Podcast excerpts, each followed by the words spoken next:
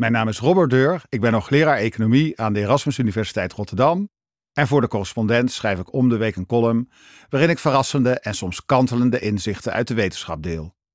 En vandaag gaat het over ongelijke inkomens. Goed verdienen, is dat vooral een kwestie van geluk hebben of van hard werken?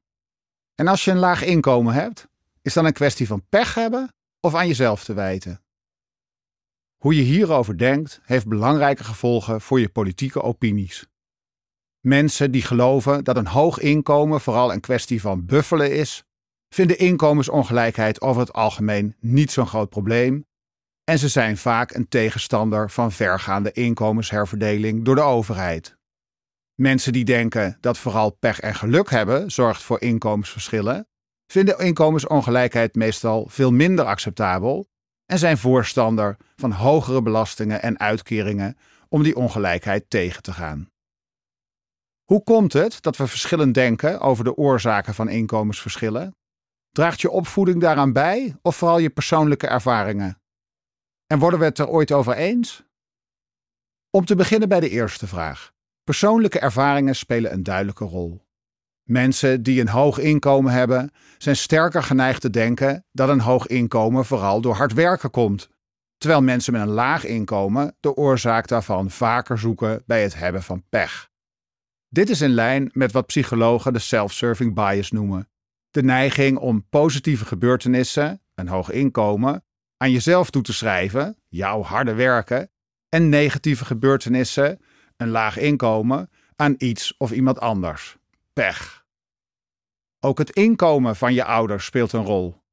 Hebben zowel jij als je ouders een hoog inkomen, dan is de kans groter dat je denkt dat hard werken loont. Heb jij een hoog inkomen, bijvoorbeeld als bankier of advocaat, maar je ouders werken in de schoonmaak, dan ben je minder overtuigd dat een riant maandsalaris vooral om hard werken draait. Een laag of hoog inkomen zie je eerder als een kwestie van pech of geluk hebben. Je ouders spelen ook nog op een andere manier een rol. Door wat ze je proberen wijs te maken. Drie economen doen daar in een recente Zweedse studie een boekje over open. Ze vroegen een grote groep Zweden hoe belangrijk zij denken dat hard werken versus geluk hebben is voor economisch succes.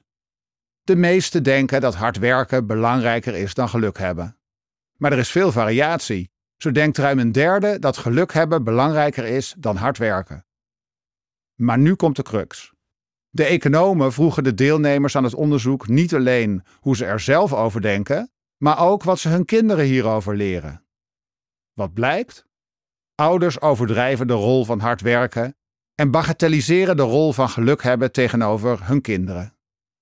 85% van de ouders leert hun kroost dat hard werken belangrijker is dan geluk hebben, terwijl maar 65% dat ook zelf echt gelooft. Zelfs de mensen die geloven dat hard werken geen enkele rol speelt, vertellen hun kinderen iets heel anders: dat hard werken ongeveer even belangrijk is als geluk hebben. Waarom liegen ouders hun kinderen voor? Daarover kunnen de onderzoekers slechts speculeren, want ze hebben het de ouders niet gevraagd. Een voor de hand liggende verklaring is dat ouders hun kinderen niet willen ontmoedigen om hard te werken. Je kinderen vertellen dat hard werken er niet of weinig toe doet, is niet echt een stimulans om eindelijk eens aan je huiswerk te gaan. Een leugen om bestwil dus. Worden we na verloop van de jaren sadder but wiser? Zij die pech hebben waarschijnlijk wel. Ze merken dat hard werken niet altijd een garantie is voor succes en ze stellen hun overtuiging over het belang ervan neerwaarts bij. Zij die economisch gezien veel geluk hebben, zullen hun overtuiging de andere kant op aanpassen. Ze bagatelliseren de rol van het lot en ze dichten hard werken nog meer waarde toe.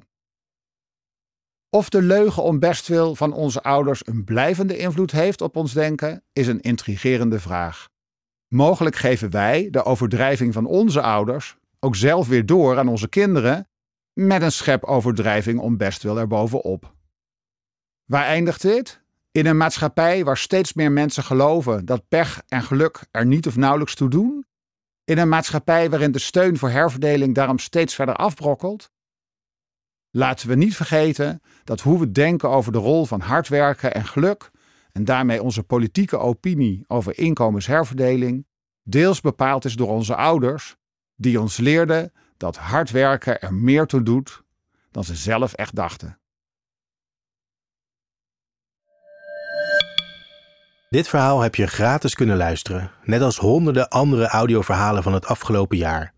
Maar het maken van dit soort verhalen is niet gratis. Ze worden mogelijk gemaakt door onze betalende leden. Ga daarom naar decorrespondent.nl en word lid.